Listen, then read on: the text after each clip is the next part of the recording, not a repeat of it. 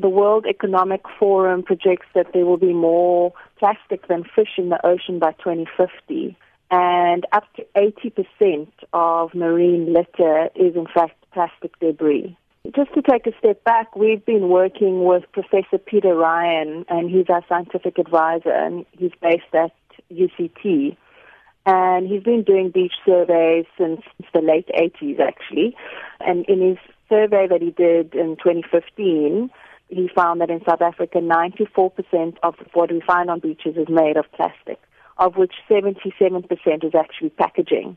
So we're looking at things like food packaging. That's what we find in the corner plastic bottles, plastic lids. You may find products with labels in different languages, and that that will tell you that it's from another country. Omadien sê daar is 'n toenemende bewustheid onder Suid-Afrikaners om hulle omgewing skoon te hou, maar daar kan nog baie gedoen word om herwinning in die land te bevorder. One of the things in South Africa that we can improve on is our waste management. So about 26% of South African households do not receive waste collection services.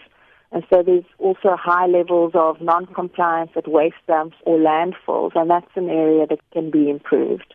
We also have low levels of plastic recycling rates in South Africa. So that's another area that could be improved. En hoe kan jy help om besoedeling te verhoed om Adine te raad? I'd say that attending beach cleanups is another good one. It's something that we've been promoting, and in fact, we have one happening this coming Saturday. If you're free at 11 a.m., we'll be cleaning Sunrise Beach, and that's a beach that doesn't often get cleaned by the city. Another thing that we're doing is trying to use a methodology called the Dirty Dozen methodology.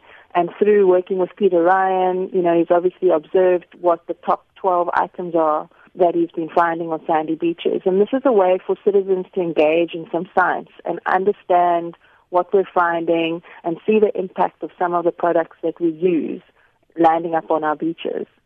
So, for example, you may be able to then make a decision.